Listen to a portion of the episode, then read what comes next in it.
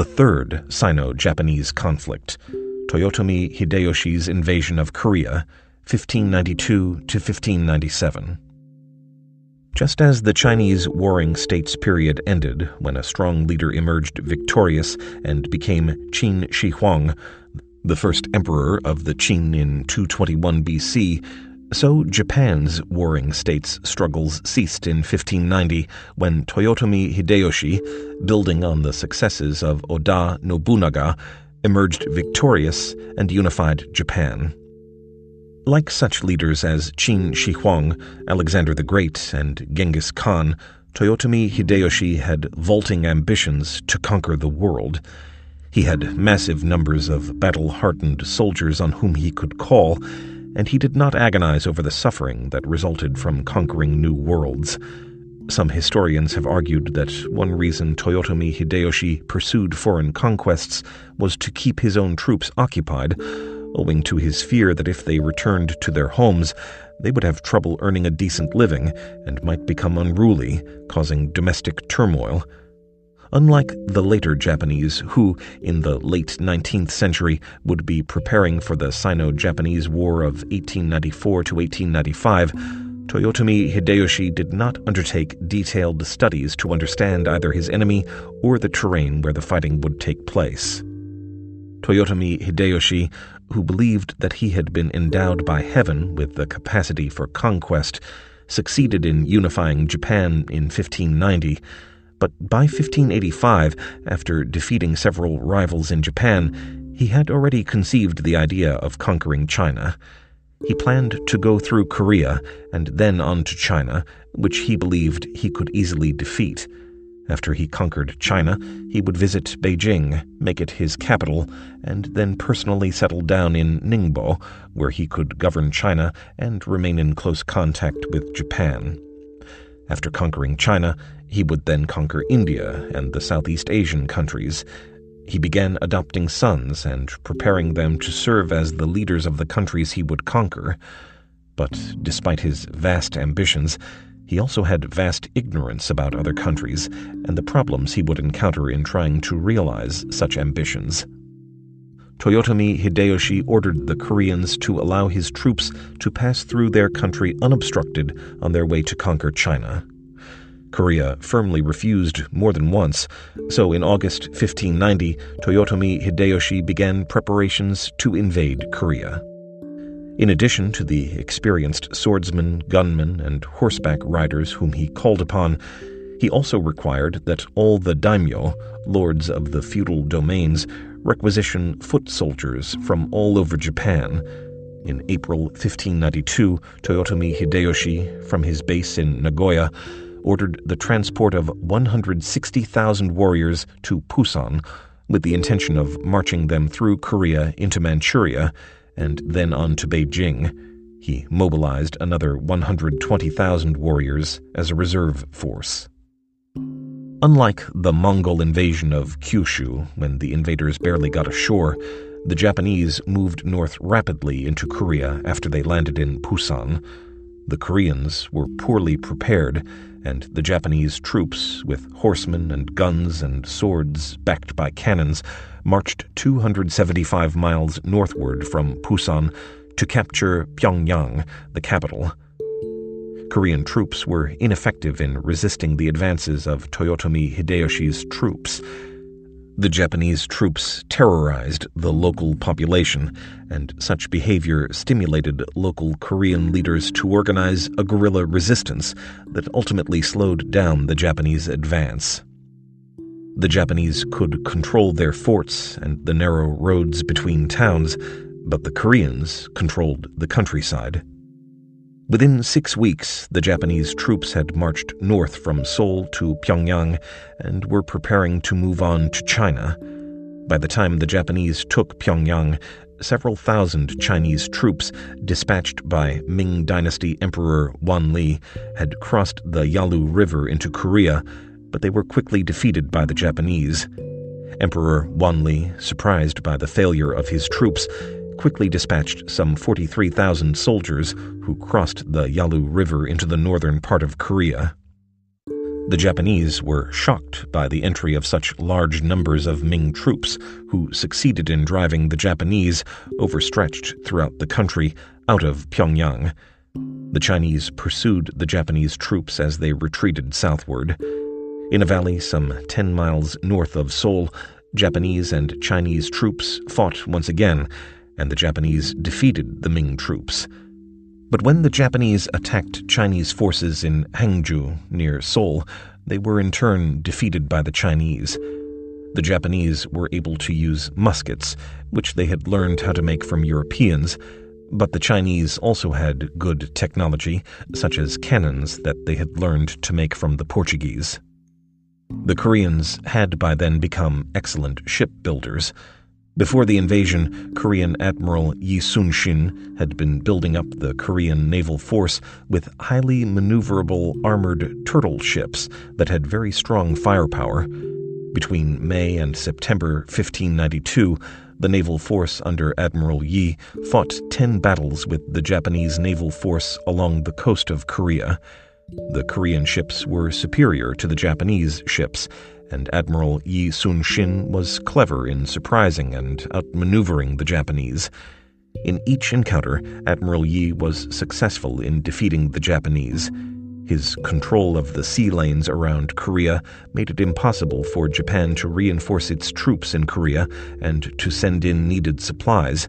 To feed their troops, the Japanese emptied out Korea's large granaries, but their food supplies still remained very tight. During the first year of the war, an estimated one third of the Japanese troops died from fighting, cold weather, hunger, and disease.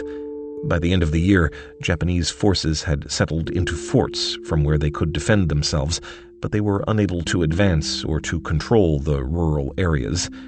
In April 1593, the Chinese and Japanese, recognizing the stalemate, reached a truce in which the Japanese agreed to pull back their troops from Seoul to encampments in the Pusan area.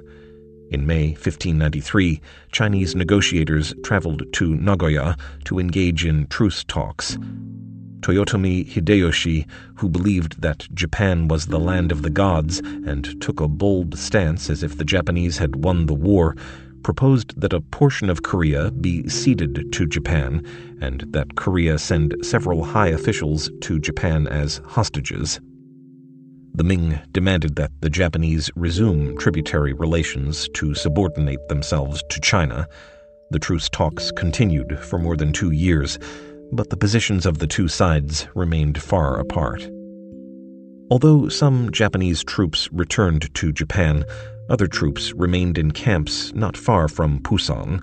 From 1593 to 1597, some of these Japanese even engaged in farming in Korea to supply food to their men. They retained the capacity to defend themselves, and when attacked, they could successfully ward off their attackers.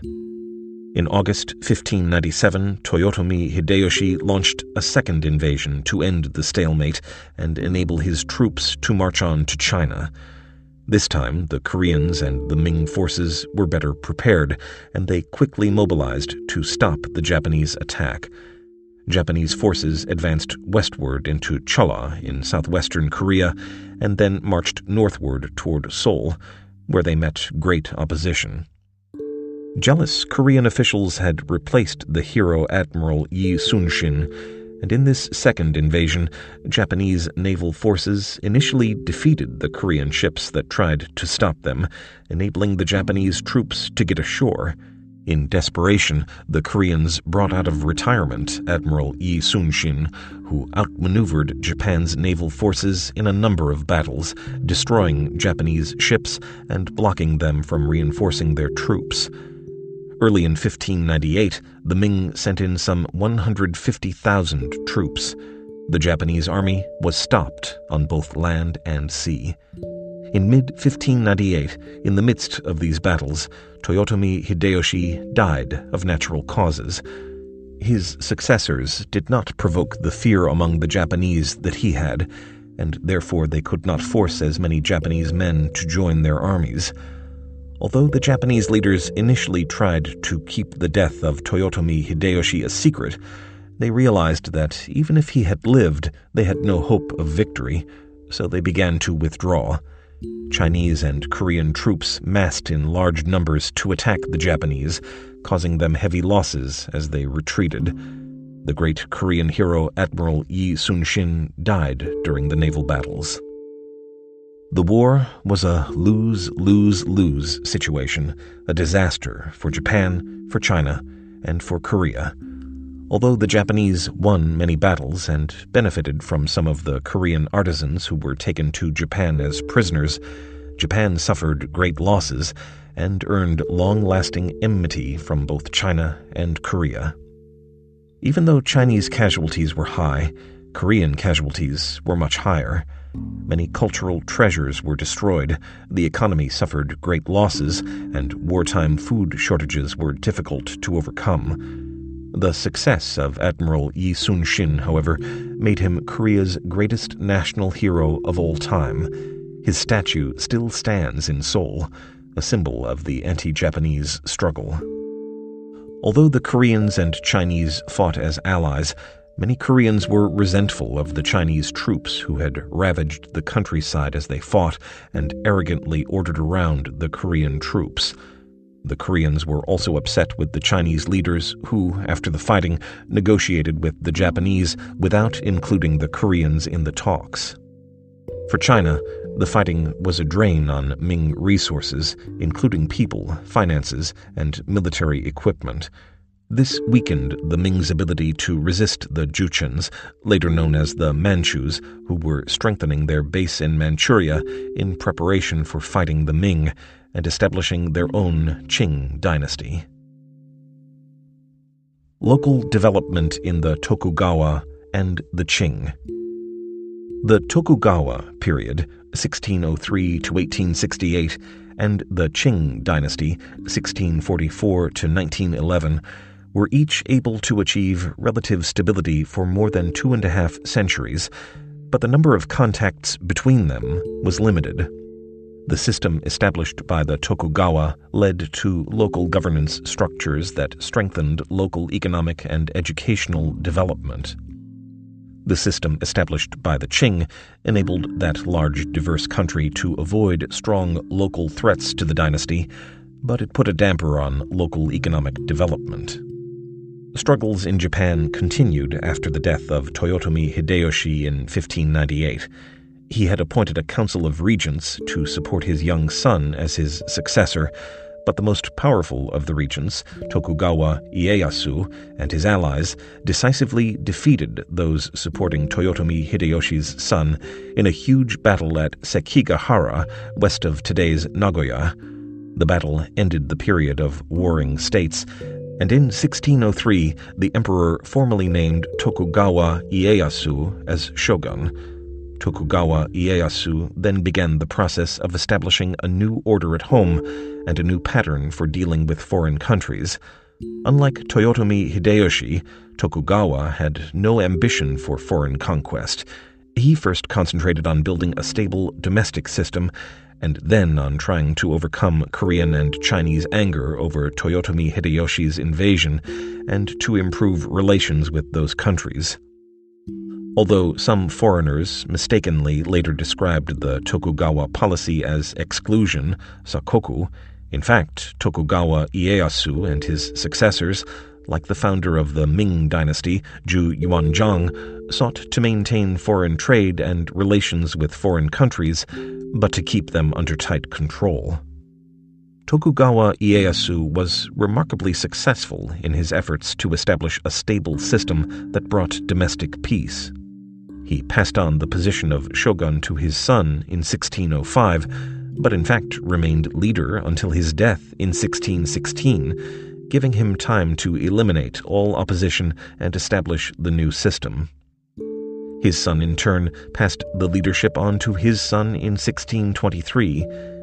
Ieyasu knew he did not have the power to eliminate the other daimyo, so he established a system of centralized feudalism whereby he kept family hostages from 270 daimyo in Edo, which after the Meiji Restoration was renamed Tokyo, where he erected the castle that, after the Meiji Restoration, would become the Imperial Palace. He acknowledged that he could not eliminate the daimyo who fought against him at Sekigahara, notably Choshu and Satsuma, so he gave them generous amounts of land and located them far away from Edo, where they posed less risk. His allies at Sekigahara were given land closer to Edo, and relatives of the Tokugawa directly ruled critical locations, such as Nagasaki, the only port on the four main islands that remained open for international trade. In contrast to the Qing system, the Japanese system for maintaining control over local areas by keeping hostages in Edo while permitting daimyo to build up their domains allowed for strong local development.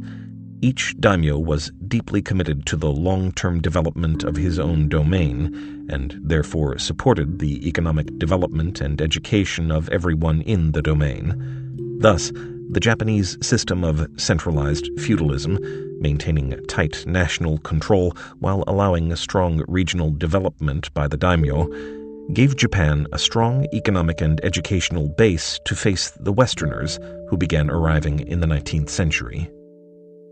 The Manchus, like the Tokugawa, proved successful in 1644 in establishing a stable new structure that lasted until the 1911 revolution. By 1681, when the Manchus put down a revolt by the three feudatories, Fujian, Guangdong, and Yunnan, they were sufficiently unified that Japanese officials worried about the danger of a possible invasion.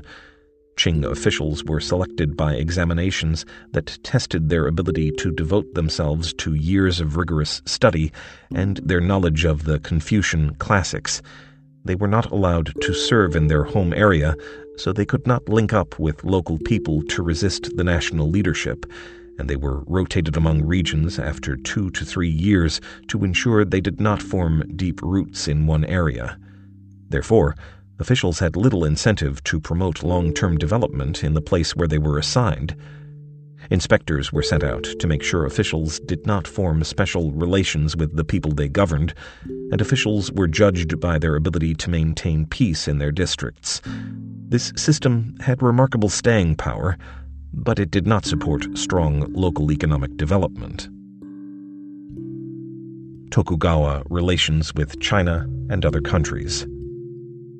When he came to power, the Tokugawa shogun feared that Christianity, especially Catholicism, being promoted by Portuguese Jesuits, was causing disorder. In 1639, following a rebellion by Christian peasants in Kyushu, he banned trade with Portugal and Spain. Convinced that the Dutch, even if Protestant, were the European trading partners least likely to cause control problems, the shogun placed the Dutch on Dejima, an artificial island built near Nagasaki, where the Japanese could continue trading. Dutch traders thus became an important window on developments in the West. Through the Dutch, the Japanese learned about Western medicine and military technology. The shogun allowed trade with China to continue, and even though Japanese residents were not allowed to travel abroad, Chinese could live in Nagasaki. In 1689, to control smuggling, the Chinese were required to move to a special compound within Nagasaki that eventually became a Chinatown. In effect, the Chinese residents of Nagasaki managed the trade with China. From 1611 to 1625, a series of letters were exchanged between Chinese and Japanese officials concerning the possibility of re-establishing tribute relations. The Chinese were dissatisfied with Japan's apologies for the invasion of Korea and with Japanese efforts to apprehend Japanese pirates. But the key issue was whether Japan would accept a subordinate status. The correspondence began with a Japanese letter to the governor of Fujian. It was signed by a foreign policy advisor to Tokugawa rather than by Tokugawa or the emperor, and the Chinese did not accept it as a proper document since it did not come from the emperor. Additionally, in this letter, the Japanese had used Japanese era names for the calendar years rather than Chinese era names. The Chinese were slow to respond, but in 1619 they hinted that there might be some progress toward resuming formal relations if Japan were to end all piracy. The Japanese discussed the proposal for some time, but in 1621 they made it clear that they would not accept use of Chinese era names, which would indicate that the Chinese emperor had a higher status than the Japanese emperor. The Japanese thus chose not to be part of the Chinese world order. In 1635, when all Chinese trade in Japan was confined to Nagasaki, Chinese ships had to be certified to enter the harbor, and not all Chinese ships were granted such a certification. China's acceptance of this certification system gave the Japanese a sense of superiority over the Chinese, and the procedure allowed private trade to continue, even though the two governments had no official relations until the 1870s. To deal with others, the Koreans, the Russians, and the Ryukyus, Tokugawa delegated much of the responsibility to the daimyo, whose domain was closest geographically to the people in question. The Tsushima daimyo, on the island closest to Korea, was assigned responsibility for managing relations with Korea. The Matsumae daimyo, the only Japanese daimyo on the northern island of Ezo, Hokkaido, was assigned responsibility for dealing with the Russians and the Ainu, a minority group living on Ezo. The Satsuma daimyo on the southern end of Kyushu managed relations with the Ryukyu Islands. Ming loyalists flee to Taiwan and Japan. After the Manchus defeated the Ming in northern China and established the Qing dynasty in 1644, Ming loyalists who fled from the north to Fujian province in the south were able to join other Ming loyalists and continue their resistance for some decades. The leader of these Ming forces was Zheng Zhilong, 1604 to 1661, who was originally from Quanzhou in Fujian. As a youth, Zheng had gone to Macau, where he had learned Portuguese. He then went to Taiwan and from there to Hirado, just north of Nagasaki, where he arrived at age 20. As both a business entrepreneur and a pirate, he developed many contacts with the local Japanese. While in Hirado, he married a Japanese woman, Tagawa Matsu, who gave birth to a son, Zheng Chenggong, Koxinga. After several years, Zheng Zhilong returned to Fujian but Koxinga remained in Hirado with his mother until the age of seven, when, with her, he moved to Fujian to join his father. Some of the Ming loyalists hoped to use the relationships between Chinese and Japanese traders to win Japanese support for their efforts to defeat the Manchus and re-establish Ming rule in Beijing. Many Chinese migrants to Nagasaki had come from areas in Fujian that were controlled by Zheng Zhilong. According to historian Ronald Toby, the first contact by Ming loyalists seeking Japanese support was made in 1645 by Lin Gao, an associate of Zheng Zhilong, then living in Fujian. Lin Gao was dispatched to Hirado, where he, like Zheng Zhilong, had friends from earlier years, in the hope that they might help him line up support for the Ming loyalists. When Lin Gao arrived in Nagasaki in 1645, he brought a letter from Admiral Sui Zui, an assistant to Zheng Zhilong, with a request for Japanese support against the Manchus. The request was forwarded to Edo, where it was seriously discussed for some weeks.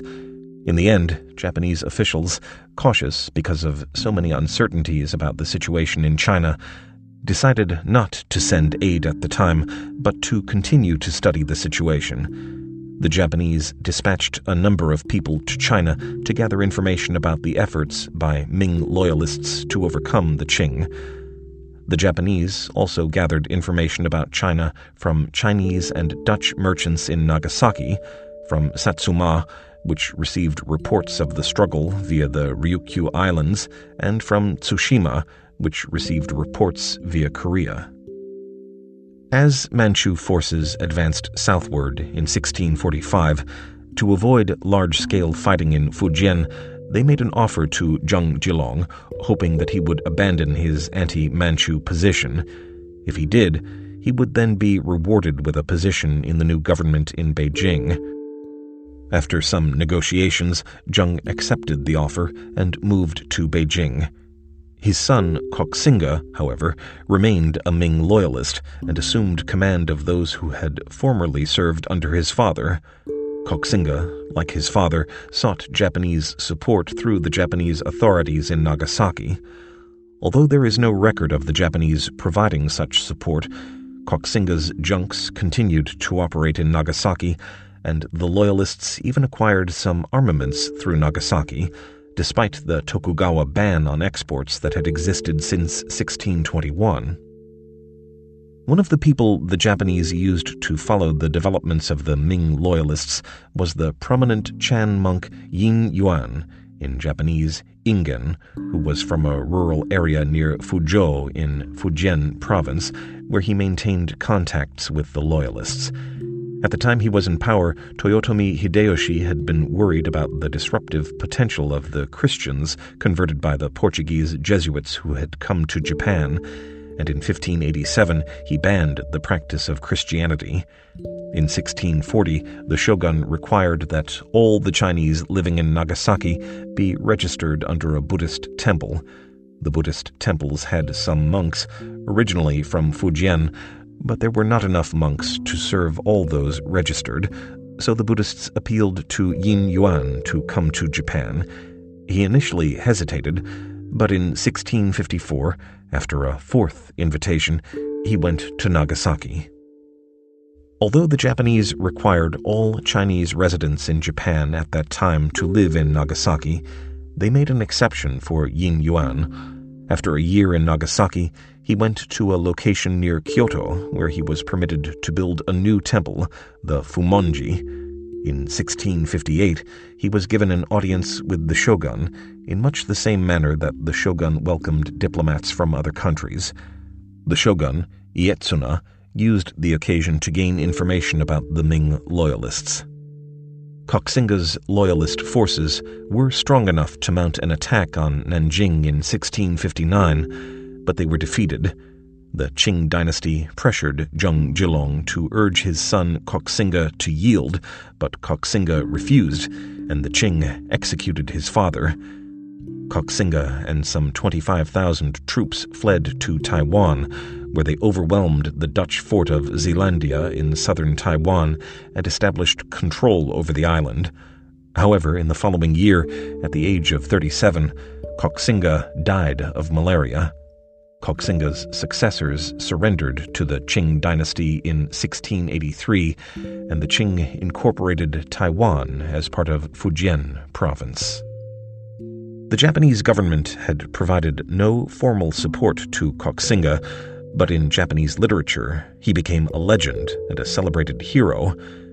Chikamatsu Monzaimon's puppet play, The Battles of Koxinga, was a leading hit in Tokugawa theater from 1715 to 1717, and it remains one of Japan's most enduring popular plays. In Japanese minds, the play links the Manchus, along with the Mongols, as Tatars, that are outsider barbarians who took over China's great civilization. The stories about Koxinga, who was half Japanese and therefore in Japanese minds superior to the full blooded Chinese, helped strengthen the popular Japanese view that Japanese leaders were superior to the Manchu barbarians in China. While Koxinga and some Ming loyalists fled to Taiwan, another Ming loyalist, Zhu Shunsui, a former scholar official who refused to remain in China during the Qing conquest, went to Japan and, as one loyal to the Ming emperor, played a role in discussions about strengthening Japanese loyalty to their emperor. Various currents of the Chinese intellectual tradition remained alive during the Tokugawa period. One of Tokugawa Ieyasu's grandsons, Tokugawa Mitsukuni, conceived the Chinese style compilation Dai Nihonshi, a history of Great Japan, and Zhu Shunsui was a key advisor to the project, which was not completed until 1720. Loyalty to the throne was central to the thinking of Zhu Shunsui and his compilers. By praising the continuity of the imperial line, Zhu helped reinforce the Japanese tradition of loyalty to the emperor. Trade between Tokugawa Japan and Qing China. In the mid 17th century, the Qing dynasty did not block the flourishing trade between Nagasaki and Fujian province, and the Tokugawa government actively encouraged it. During the peak trading years in the middle of the century, nearly 40 Chinese junks called at Nagasaki each year. The Japanese had developed an appetite for Chinese silk, especially silk yarn that could be used by the weavers at Nishijin textile mills in Kyoto, which rapidly expanded its manufacturing of silk products that were then very popular among high Japanese officials. Japan also continued to import deerskins and medicinal herbs from China. Using a mining process developed by China in the 15th century that the Japanese had learned from the Koreans, Japan made great advances in silver mining. Several Japanese domains opened new mines, producing silver that could be exchanged for silk yarn. The shogunate supported this trade because it earned income from taxing the mines and the silver mints, ginza, that refined the silver. The shogun also required officials in Nagasaki to sell some silk imports to his officials at lower prices before the remainder would be sold to the Yarn Guild at a higher price. The import of silk also helped the Kyoto silk weavers, who were directly under the shogun's control. At the height of the conflict between the Ming loyalists and the Qing, trade between China and Japan slowed down. From 1663 to 1673, approximately 36 Chinese junks called on Nagasaki per year, but from 1673 to 1683, the number dropped to 25 per year. After the Ming loyalists on Taiwan surrendered in 1683, trade spurted ahead rapidly. In 1688, some 117 Chinese junks called on Nagasaki. By that time, however, Japan had largely exhausted its supply of silver. To stop the outflow of silver, Japanese officials placed controls on the trade. At the same time, because the Chinese wanted copper to mint coins, Japan rapidly increased the mining of copper, which by 1685 became its largest export item. Japan then placed stricter limits on imports and passed sumptuary laws to control the consumption of imported goods. Japan also engaged in import substitution it expanded its own sericulture in northern Japan to promote domestic production of silk. By the end of the 18th century, all the silk required by the Nishijin silk weavers in Kyoto was produced in Japan. The Japanese also learned from China how to grow a variety of medicinal plants. They expanded the planting of sugarcane in the southern areas where there was a suitable climate, especially in Satsuma and the Ryukyu Islands, which Satsuma had ruled since 1609. Satsuma was greatly enriched by the income from sugar production, which provided a financial base for its military strength at the end of the Tokugawa period. By the end of the 17th century, with Japan's controls on the export of silver and copper and its import substitution, trade between China and Japan slowed down. For much of the 18th century, an average of only 20 or 30 Chinese trading ships docked in Nagasaki per year. Japanese importers seeking to maintain their business diversified the goods they bought from China and began importing books, writing brushes, ink, and high quality handicrafts. From its beginning in 1603 to its end in 1868, Tokugawa Japan had no diplomatic relations with China during either the Ming or the Qing dynasty. Tokugawa leaders were so strict about prohibiting the Japanese from going abroad that after 1635, Japanese fishermen who were shipwrecked and ended up in China were not even welcomed back home. As a result, it was the Chinese living in Nagasaki and the Chinese abroad who visited Nagasaki who carried on trade relations between the two countries. Three Tokugawa views of Qing China nationalists, Kangaku scholars, and traders. During the Qing dynasty, aside from the Chinese traders who traveled back and forth between Nagasaki and China, the Chinese people continued to show little interest in Japan. Some Buddhist texts and commentaries on the Chinese Confucian classics that were lost in China had been preserved in Japan, and when these works were re imported back into China, a small number of people took great interest in these documents, although some Chinese were doubtful of their authenticity. Occasionally, a gazetteer in China published information about Japan, sometimes quite detailed, but generally, books about Japan attracted little interest. In contrast to China's lack of interest in Japanese culture, the Japanese, in various circles, retained a deep respect for traditional Chinese culture and continued to learn about China despite the ban on travel. Japanese scholars studied under the small number of scholars from China who had fled to Japan after the fall of the Ming dynasty. The shogun followed developments in China through the information obtained in Nagasaki.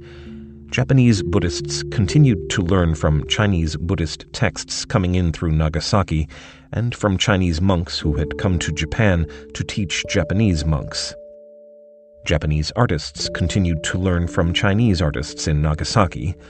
By the end of the Tokugawa, some 100 Chinese artists and art dealers were living there, earning a living from the Japanese demand for Chinese art. Imported Chinese handicrafts continued to inspire Japanese artisans.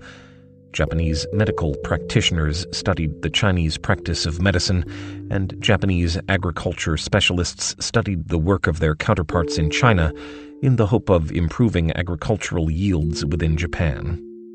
Japanese learning from China during the Tokugawa period did not have the transformative impact it had during the Nara and Heian periods, but three categories of people in Japan continued to take a deep interest in China high officials under the shogun, teachers of Chinese studies in the domain schools and in Edo, and traders in Nagasaki, the Ryukyus, and Tsushima Later, when Japan opened during the Meiji period, 1868 to 1911, these three groups would play an important role in shaping Japanese relations with China. Nationalist officials and scholars. Once Tokugawa officials had united Japan and the country became more stable, many Japanese officials began to take great pride in Japanese successes. Some in Japan who had looked up to Chinese civilization believed that the Manchus who led the Qing were barbarians, that Chinese civilization was deteriorating under barbarian rule, and that Japanese civilization, never subject to barbarian rule, was prospering. By the 1660s, Japanese officials were no longer using names like Chugoku, literally the central country, to refer to China, for they implied that China was the central kingdom. Japan, they believed, was also the center of its world. The notion that Japan was unique and special, that it was the land of the gods, was reinforced by Japan's survival against the Mongol invasion thanks to the kamikaze. To some, the fact that their country had never lost any territory was a sign that Japan enjoyed special divine protection. In the 17th century, some Japanese scholars began to promote native studies, kokugaku, which stressed the purity of Japanese tradition. They sought to replace kangaku, Chinese studies, with pure Japanese studies, and they promoted Shinto, the indigenous Japanese religion, rather than Buddhism, which was imported from China. Although native studies never gained the prominence of kangaku, it did attract significant numbers of supporters, and some Japanese began to assert that, with its version of Neo Confucianism, Japan, not China, represented the best of the Confucian tradition. Having been overshadowed by China for so many centuries, the Japanese never matched the unquestioned self confidence in the superiority of their civilization instinctively felt by many Chinese. Many who professed the belief that Japan would be protected by the gods nonetheless panicked at the thought that some outside power, whether China, Korea, or a Western power, might attack Japan. Yet they asserted pride in Japan, a pride that would grow during the Meiji period as Japan moved ahead of China in modernizing. A small number of Japanese individuals expressed visions of how Japan might expand its power beyond its borders. Throughout the Tokugawa era, they had continued to collect materials on military technology and strategy from Dutch sources. Hayashi Shihei, 1738 to 1793, a military strategist in the Sendai domain of northeastern Japan, wrote that Japan should gain better control over Hokkaido and the Ryukyu Islands as a first step to becoming the leader of Asia. In 1791, he published the book Kaikoku Heidan, Military Defense of a Maritime Nation, in an attempt to alert others to the seriousness of the threat from Russia and China. From his passion about the urgency of defending Japan, he moved on to espouse a grandiose vision of how Japan could become the dominant power in the region. Japanese scholars today see Hayashi as representing one of many views, somewhat extremist, and certainly not the dominant view at the time. However, some Chinese scholars today pay great attention to Hayashi as a sign that the Japanese were already laying the foundation for their grand designs for Japanese aggression that began in the late 19th century and continued through World War II. Kangaku, Chinese learning, scholars, and Buddhists.